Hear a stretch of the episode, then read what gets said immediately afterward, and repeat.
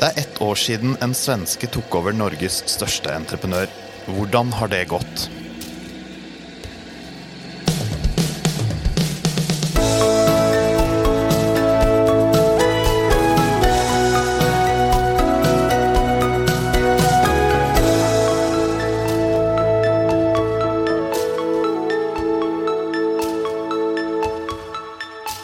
Innholdsrikt år for Norges største entreprenørkonsern Veidekke etter at svenske Jimmy Bengtsson tok over selskapet. Anlegg og industri er slått sammen til infrastruktur. Eiendom er solgt, og konsernet leverte et sterkt halvårsresultat til tross for usikre tider. Ja, i dag har vi altså med oss eh, konsernsjef Jimmy Bengtsson her i byggeplassen. Velkommen skal du være. Tack så mycket. Det har gått ett år, som jeg sa i innledning her, eh, fra du gikk Ja, du hadde rolla som Sverigesjef, du, eh, før du kom eh, som eh, koncernchef konsernsjef her i Norge. eh, ett år siden, hvordan har det gått? Ja, oj, oj, som ni sa så har det varit ett, ett väldigt händelserikt år. Jag skrev faktiskt ett eh, sommarbrev till eh, styret precis eh, före ferien och, och summerade upp lite tiden så långt. Då. Och som ni pekade på så under, ja nu är det ett år nu då, men när jag skrev brevet så var det väl en, en sån cirka tio månader. Och på den tiden så har vi jobbat med egendomsaffären och, och gjort, gjort hela jobbet som man behöver göra och få det klart för salg. Och sen har vi ju faktiskt också eh, lyckats genomföra den här transaktionen då och fått egendom in i en ny ägarstruktur. Sen har vi själva eh, lagt ihop eh, det som är industri och anlägg i Norge till det vi kallar för Veidekke infrastruktur. Då. Det kan vi kanske prata lite mer om. Eh, om ni minns så hade vi också eh, dessvärre behov av att göra en större nedskrivning i eh, Q4 2019. Det är också en, en sak som tar, tar mycket kraft och, och, och kapacitet att få till på ett riktigt sätt. Då. Och på toppen av det då corona Ja som ju har eh, drabbat både oss och alla andra det, det senaste halvåret. Sen när man har följt Veidekke, eh, vad Veidekke har gjort i övrigt då, så har vi ju faktiskt gjort en del omstruktureringar och, och också en del nedbemanning i, i den svenska verksamheten. I den norska byggverksamheten kanske ni minns att vi har eh, eh lagt ner det som är, var Veidekkes verksamhet i, i Nordnorge. Mm. Vi har eh, gjort en del omstrukturering av den verksamheten vi har i Foll och Östfold. Så lägger man ihop alla de här sakerna så må jag säga att det har varit, det har varit mer än vad man trodde på tio månader. Då. Nu, nu står vi här och snart har jag varit ett år på posten. Då. Ja, og du kom jo da fra rolla som Sverigesjef. Du bor fortsatt i Stockholm. Og akkurat det òg har jo vært litt spesielt i disse tider, å skulle pendle mellom to land som har hatt ulike syn på korona, og det har vært strenge reiserestriksjoner. Hvordan har du fått den kabalen der til å gå opp? Nu, nu bor jag ju både i, i Stockholm och i Oslo då för att säga det. Och, hela, och det har varit hela planen eh, ifrån början då att, att eh, eh, familjen och barnen är ju ganska stora då. De har ju eh, blivit kvar i Stockholm och min fru har Ja, och eh, svärmor är eh, från och till lite sjuk i sån eh, eh, reumatism då, så hon behöver lite, lite stöttning. Så hela planen har faktiskt varit att jag, jag, jag bor på båda ställena och min fru och, och familjen skulle komma hit eh, ganska ofta.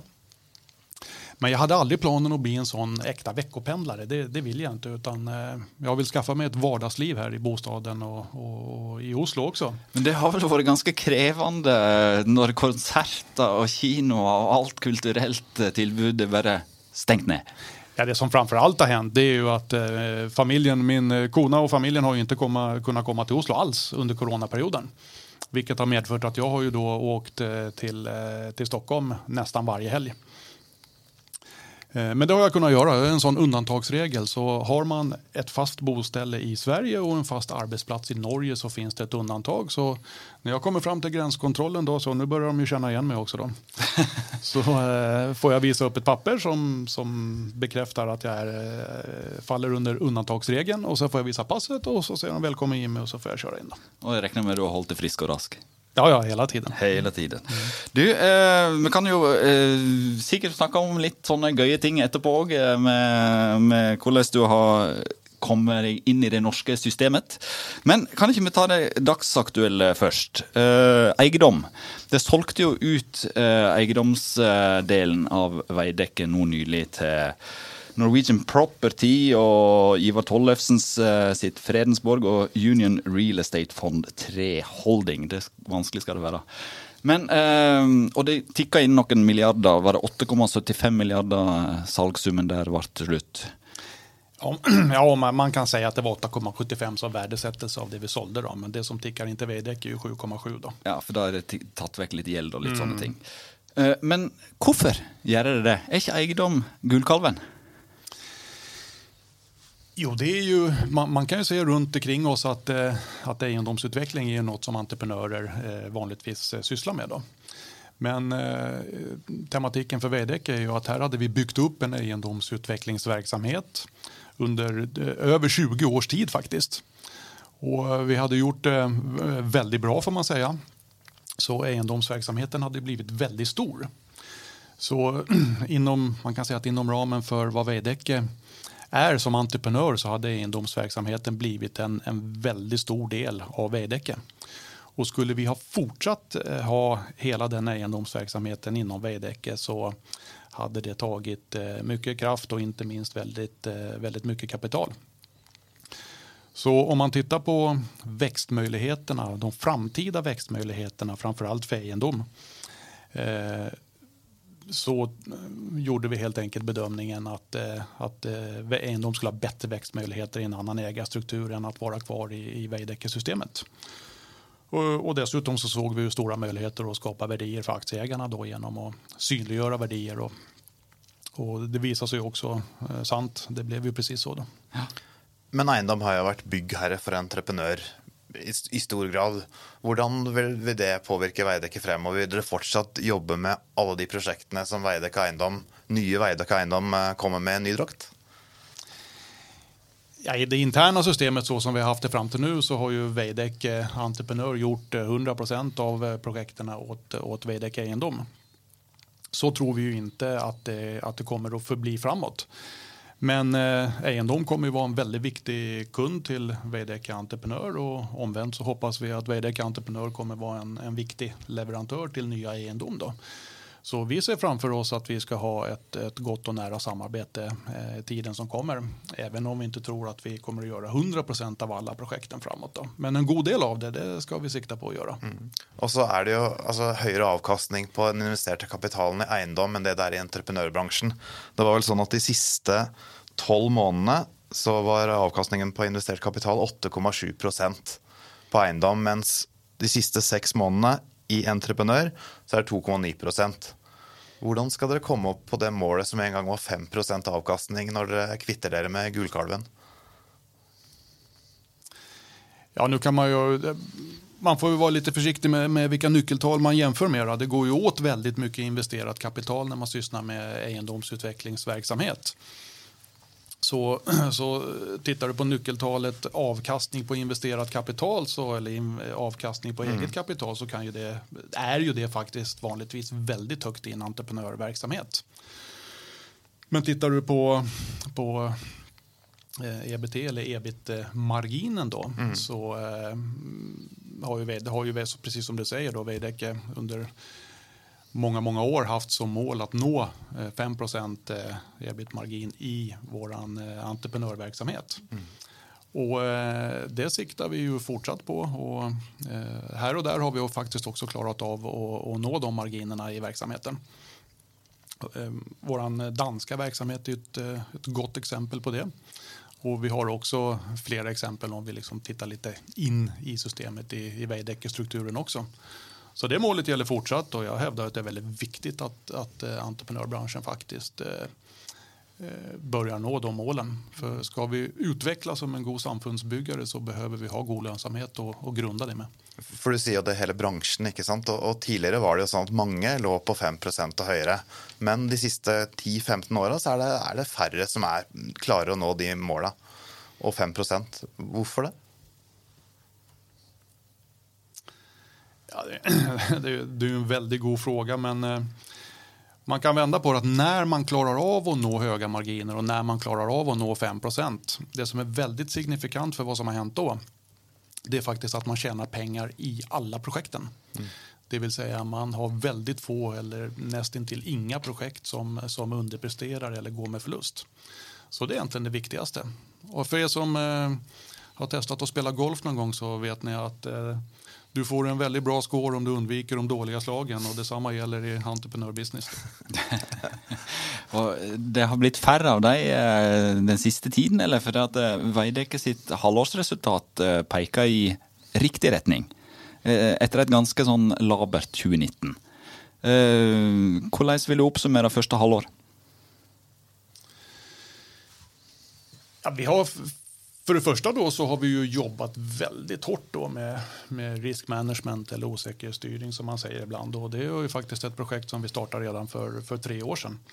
Och successivt så börjar ju det där ge effekt, det vill säga att vi får färre och färre projekt som, som levererar för låga eh, marginer. Så, det blir bättre och bättre sving.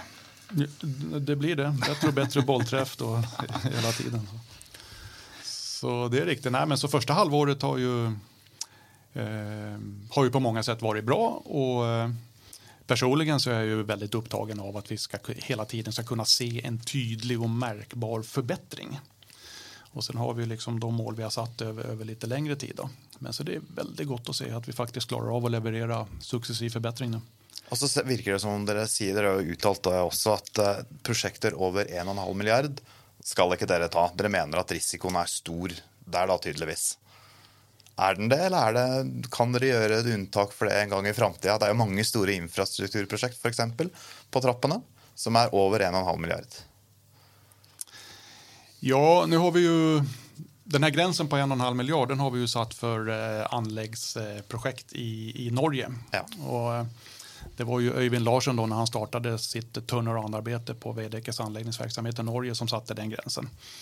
Men det är klart, eh, eh det händer ju att, att det sker förändringar i projekt och så ska de förändringarna förhandlas och, och regleras. Och, och det är klart att eh, en 10-15 procent på, på, på 3 miljarder är dubbelt så mycket som på 1,5 miljard. Så liksom bara där ligger det ett, ett mått av risk som gör att de större projekten blir mer riskfyllda. En annan, eh, en annan faktor in i det där det är ju att det, när du får väldigt stora projekt då, så, så är det ju som att sätta upp en hel, eh, liksom egentligen en, en, en hel verksamhet då för att genomföra eh, projektet. Det krävs alltså ex, extrem management för att klara av och hantera de, de gigantprojekten på ett riktigt sätt. Då.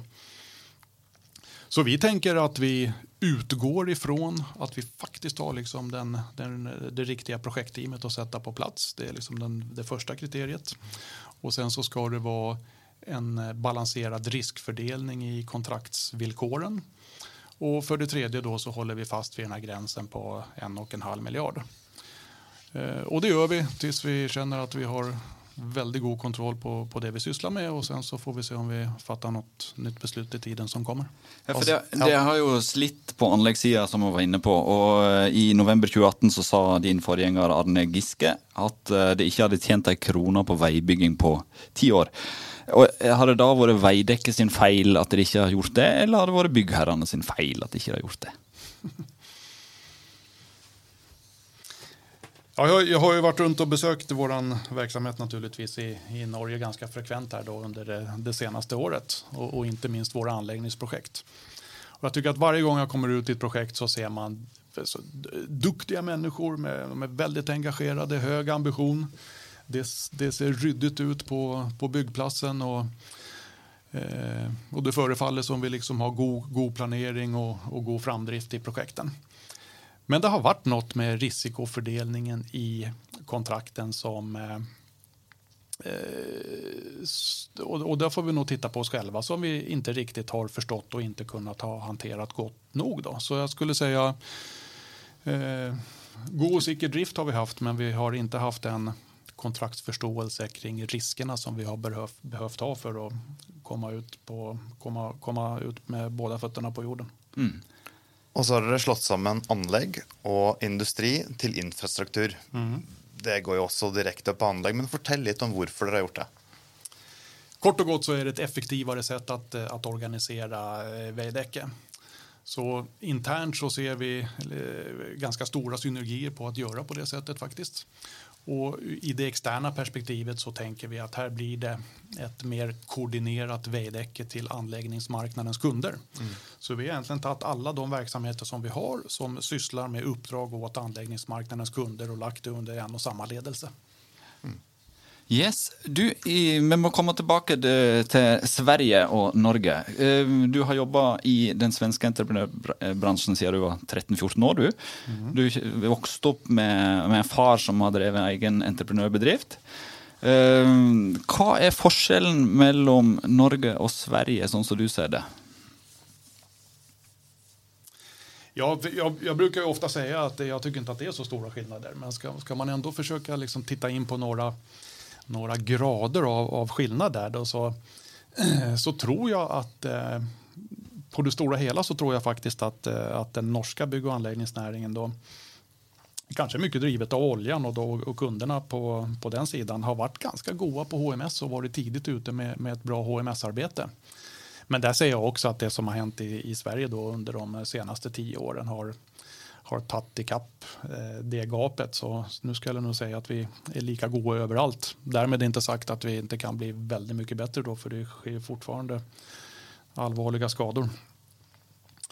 Så det kan vara en skillnad. Eh, jag tänker också att den här lite, eh, alltså den här hantverkstraditionen och det här med att jobba med egna ansatte och att det är faktiskt lite, lite starkare i, i, i Norge än i Sverige. Och så ska man komma ihåg att eh, perspektivet jag har är ju, är ju Veidekke då naturligtvis. Och det ska ha egna ansatte och så ska det vara i överskuelig framtid? Ja, Veidekke, Veidekke är byggt på kompetensen av egna ansatte. Mm. Mm. Men uh, hvis du skulle snacka lite om ditt uh, Du var inne på dette her med Eller det vill säga, det var jag som var inne på det. Uh, din egen bakgrund och din far. Du kom väldigt tidigt in i uh, entreprenörbranschen. 13-14 år, stämmer det? Ja, det stämmer. Eh, min, både mamma och pappa är ju från Gotland då för övrigt.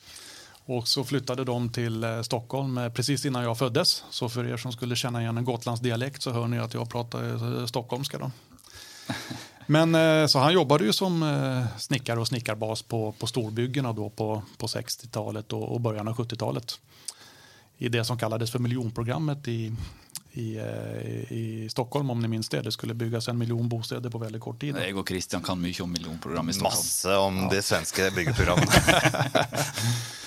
Hur som helst så startade ju far min eh, en egen, eh, egen liten byggmästarbedrift väldigt tidigt. Så jag har ju fått, fått hänga med och jobbat med far min ända sedan jag var väldigt liten. Då. Och du fick vara med på byggemöte på frukostbänken?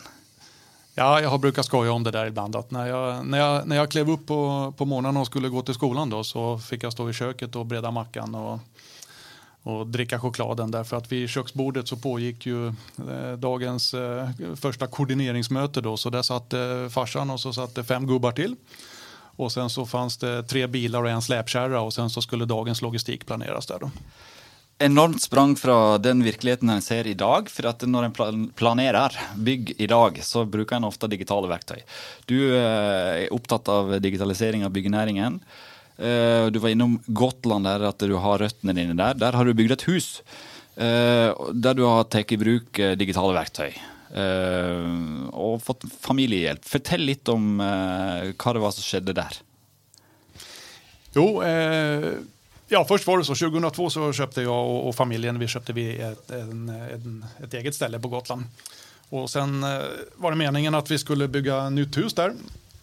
Eh, men eh, det tog många år innan det till slut blev av då, så nu byggde vi det för en tre, fyra år sedan. Eh, och eh, då skissade jag ganska mycket själv på det där då, och sen så var det en, en arkitekt som hjälpte mig att göra ordentliga ritningar av det. Men jag är lite designintresserad. Vet du. Jag brukar kalla mig själv för hobbyarkitekt ibland.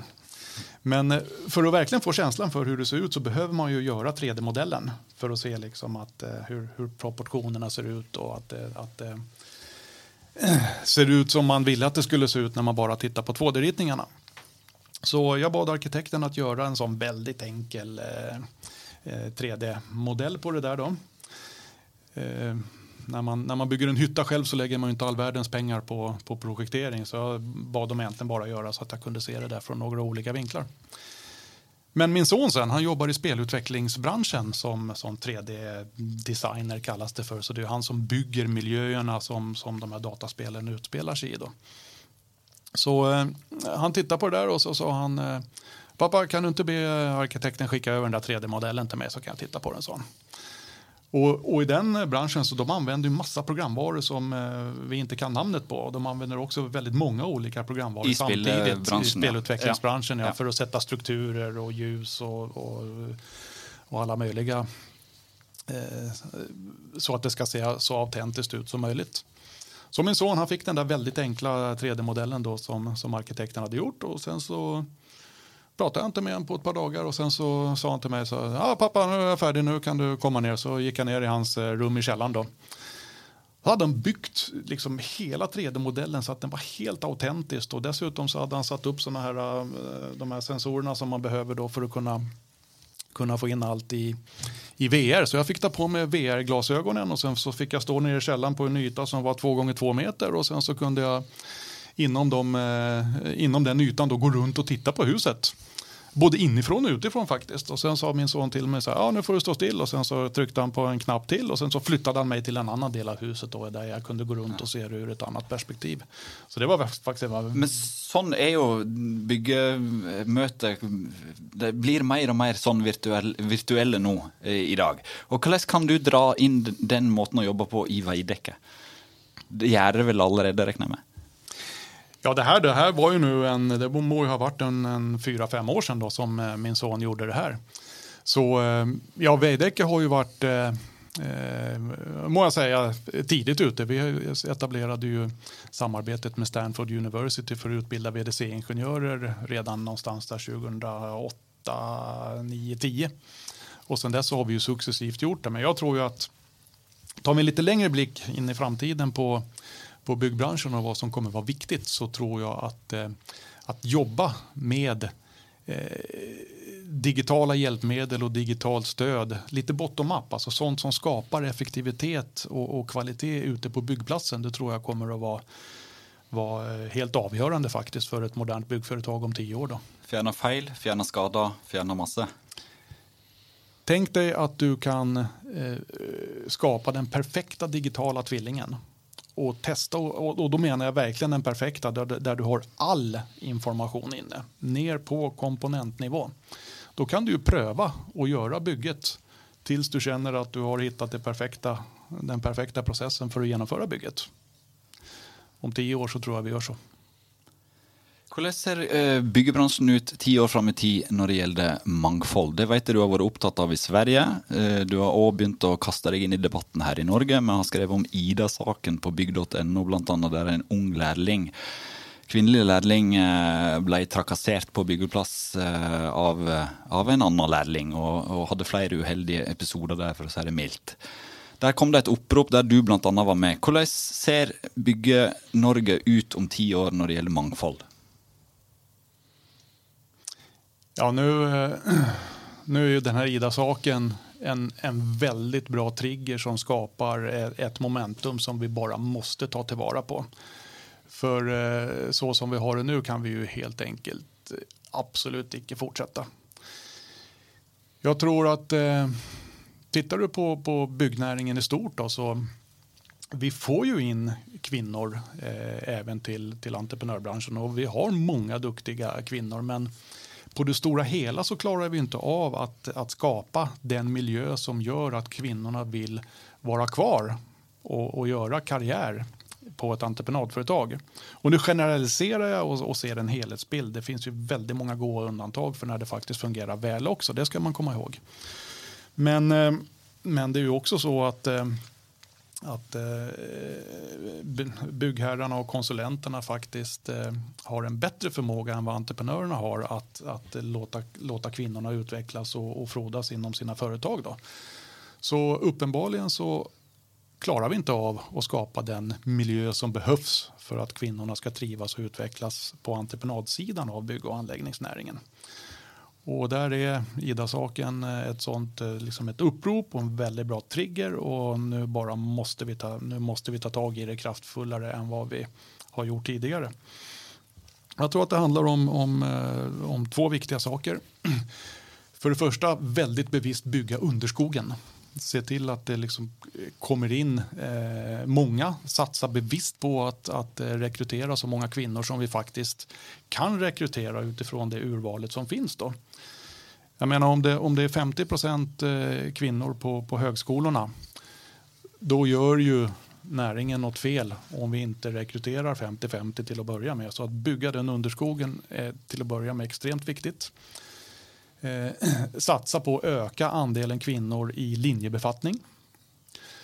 Eh, och inte minst jobba väldigt bevisst med att, att skapa den arbetsmiljö och, och, kultur som behöver finnas där för att eh, kvinnorna ska trivas och utvecklas i, i Veidekke och, och, i byggbranschen. Men vad konkret gör det då i Veidekke för att bygga upp under den eh, underskogen av kvinnor i näringen? Ja, vi, vi, vi, satsar på de sakerna som jag sa. Vi ska se till att, att rekrytera eh, utifrån liksom det urvalet som finns. Är det 50-50 som kommer från skolorna då ska vi rekrytera 50-50. Mm.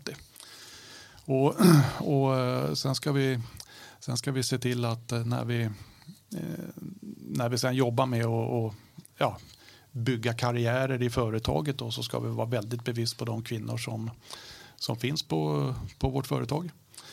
Och för att klara av att göra det så, så tror jag man måste börja med en sån kunskapsuppbyggnad egentligen runt alla de bias eh, som finns. Mm. Eh, och det, kan ju, det, det, handlar ju allt, allt ifrån liksom vad man sätter för det kan vara så här, du vet, handlingskraftig och, och lite framåt och väldigt på och så där kan ju, kan ju upplevas som som eh, positiva signum för en man medan det ibland blir en bias och kan upplevas icke lika positivt för en kvinna. Då. Och hela den kunskapsuppbyggnaden måste vi göra och där måste vi börja top-down. Mm. Så att alla, jag menar ledargrupperna top-down faktiskt får en, en, eh, en egen upplevelse och en bevisstgöring kring att, eh, att, att det ser ut så idag och vad vi kan göra för att, eh, för att jobba med det. Då. Och på toppen så har det varit en, naturlig ting för en kvinna att kunna gå på ett kvinnetoalett, kanske.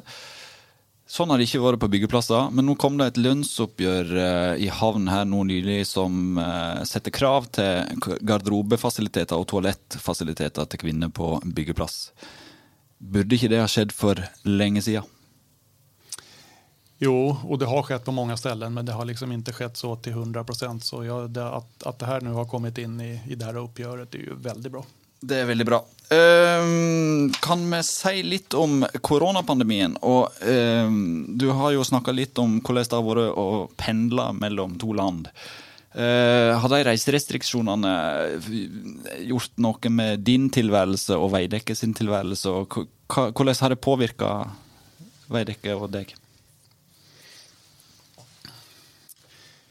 Jag tittar ute på, tittar ute på ett projekt, då, så, eh, eller både på, både på kontoren och projektkontoren och ute i projekten så har ju vi gjort allt vi kan för att följa alla de rekommendationer och, och, och restriktioner som finns då för, att, för att hindra smittspridningen. Och det där har ju tagit sig väldigt många uttryck. Jag menar, ett tag var det ju helt tomt på kontoret på, på Sköjen och nu är vi inne i ett, i ett system då där vi rullerar hälften hälften varannan vecka. Tittar sen ute på byggplatserna så har de ju gjort samma sak och har ju lagt skiftgång på lunchraster och ordnat med omklädningsfaciliteter så man inte ska behöva stå för nära varandra. Och, och också jobbat en hel, del, en hel del hemifrån där. Men det är klart, i längden så kan man inte jobba med att, eh, att, att styra produktion från hemmakontoret. Då, så det är också viktigt att vi att vi klarar av att ha en tillräcklig närvaro eh, på, på projektkontoren och samtidigt kunna upprätthålla då, eh, det vi måste upprätthålla för, att, för att hindra smittspridningen. Så det har ju fått eh, Ja, det, har, det har ju fått väldigt många konsekvenser i vardagen för alla egentligen. Men har det varit några skillnader från Norge till Sverige? Alltså, vi har hört massor om skillnaderna på hur myndigheterna har hanterat corona eh, i Norge och Sverige. Men har ni märkt de skillnaderna ute på byggplatser i Norge och Sverige? Nej, faktiskt inte. Utan i princip har det varit samma mm. restriktioner i Norge och Sverige. Den, den, stora skillnaden var väl där när, när både Norge och Danmark eh, stängde eh, skolor mm. och, och, restauranger och det gjorde inte Sverige. Det är väl egentligen det som är den, faktiskt den, den största skillnaden som jag ser det. Mm. Men alla, alla sådana saker liksom med, med hygien och social distansering och så har ju varit helt likt. Mm. Det er, jo, det er sånn som det har påvirka hverdagen vår nå, men hvis du ser litt fram i tid igjen, da. Eh, for byggenæringen er jo en halenæring, blir det sagt. og Hvordan eh, er ordreinngangen i disse koronatider? Ja, nu har ju... Eh, jag såg att, att våra, våra konkurrenter som har rapporterat säger ungefär samma sak som vad, vad Veidekke säger, nämligen att orderingången har varit god. Den har varit eh, klart bättre än, än förväntat faktiskt med, med tanke på corona. Men jag tror att man ska komma ihåg att vår bransch har långa ledtider. Så de nya projekt som har kommit in i portföljen här nu det senaste kvartalet är ju baserat på beslut som våra kunder har tagit för länge, länge sedan. Mm. Så hur våra kunders investeringsvilja ser ut nu i den här liksom, nya situationen, det återstår nog att se faktiskt. Jag tror man ska vara beredd på att, att marknaden framåt inte blir lika god som den har varit. Men eh, så kan man också reflektera över att det har ju jag menar, så länge det är ordning på, på statsfinanserna i de länderna vi jobbar i och så länge finansmarknaden fungerar så eh, blir det ju ingen krasch. Och med tanke på de här långa ledtiderna så liksom det vi ser framför oss det är faktiskt då att eh, hantera en konjunktursvängning ganska likt alla andra konjunktursvängningar. Så man får väl säga att man är glad att man inte är i hotellbranschen under de här tiderna. Ja. Vi begynner å nærme oss slutten, men vi må eh, dra inn et spørsmål til. For det, I forrige episode av eh, Byggeplassen så snakka vi om de 100 største entreprenørene i Norge. Det er ingen eh, hemlighet hemmelighet at Veidekke har ligget på toppen der i veldig, veldig mange år. Men vi hadde Betongmast-sjef Jørgen Evensen her, og så var Prognosesenteret sin Kjell Senneset her. Betongmast ble nylig kjøpt av AF-gruppen, som begynner å puste Veidekke litt i nakken eh, når det gjelder størrelse. Eh, både Kjell Senneset og byggeindustrien sin sjefsredaktør Arve Brekkhus mener nå at Veidekke for første gang på mange, mange år begynner å kjenne litt sånn pusten av en eh, konkurrent i nakken. Mm. Er det redd for AF-gruppen å miste posisjonen som Norges største entreprenør? Nej, faktiskt inte vi har inget mål whatsoever om att, om att vara störst. Jag brukar säga att vi är hellre bäst än störst. Så, eh, och det är fint med konkurrenter. Det, det bygger ju, bygger ju kon, liksom konkurrensutveckling. Så AF får gärna bli stora. Veidekke siktar på att bli bäst. Men det hade varit lite svårt att mista den topptrona, hade inte det det? Då? Nej. Nej. Heller best enn størst. Heller best enn størst. Dere er tidlig ute på elektriske gravemaskiner og hadde en stor gravemaskin for litt siden som, eh, som, dere lanserte. Og så vet jeg at du er veldig interessert i bil og, og Porsche. Når bytter du til elektrisk Porsche? jeg har en elektrisk Tesla. ja. ja, nej, jag vet inte. Det är... Ska, ska, ska, vi prata lite detaljerat om sån eh, racebils ja, Det är grunden till att Christian tar ja. upp det där. Det, det, må, du är väldigt glad i fart, och, eh, men på lucka, eh, under lucka förhåll, du kör racerbil du. Nej, inte racerbil, du kör Porsche på racerbana. Ja, jag kör en sån halvracer Porsche på racerbana och då åker man på sånt som man kallar för, för trackdays. Då. Så ja, jag gillar fart, jag gillar sån lite adrenalin på slaget. Men eh, de elektriska bilarna är fortsatt allt för tunga. Vet du. Ska du vara på racerbana så måste du ha en lätt bil. Men du kör inte Petter Northug-stil? Ute på vanliga vägarna? nej, nej, nej. nej. det, det, är faktiskt en av de eh, fina sakerna med att alltså, tycker man om bilar, tycker om att köra fort och sådär. Alltså, då gör man det på en avlyst eh, racerbana. Och, då, och då, kan man ta det lite lugnare när man är ute på vanliga vägar. Mm. Och då köper du ett klippekort och köp, kör det som om det skulle vara en skiheis, inte sant? Ungefär så. Ja. ja. Det hörs väldigt gøy ut. Jag må Tida må gå fort da. Nå er vi vel kanskje ved veis ende, bokstavelig talt. Det är med. Ingen Porsche har tagit oss dit, men eh, Jimmy Bengtsson har varit med. Eh, Kristian Aarhus og Frode Aga har vært eh, programledere i Byggeplassen. Vi håper at du tuner inn for en ny episode om ikke altfor lenge. Da er det mange nye spennende tema som berører byggenæringen. Ha det godt.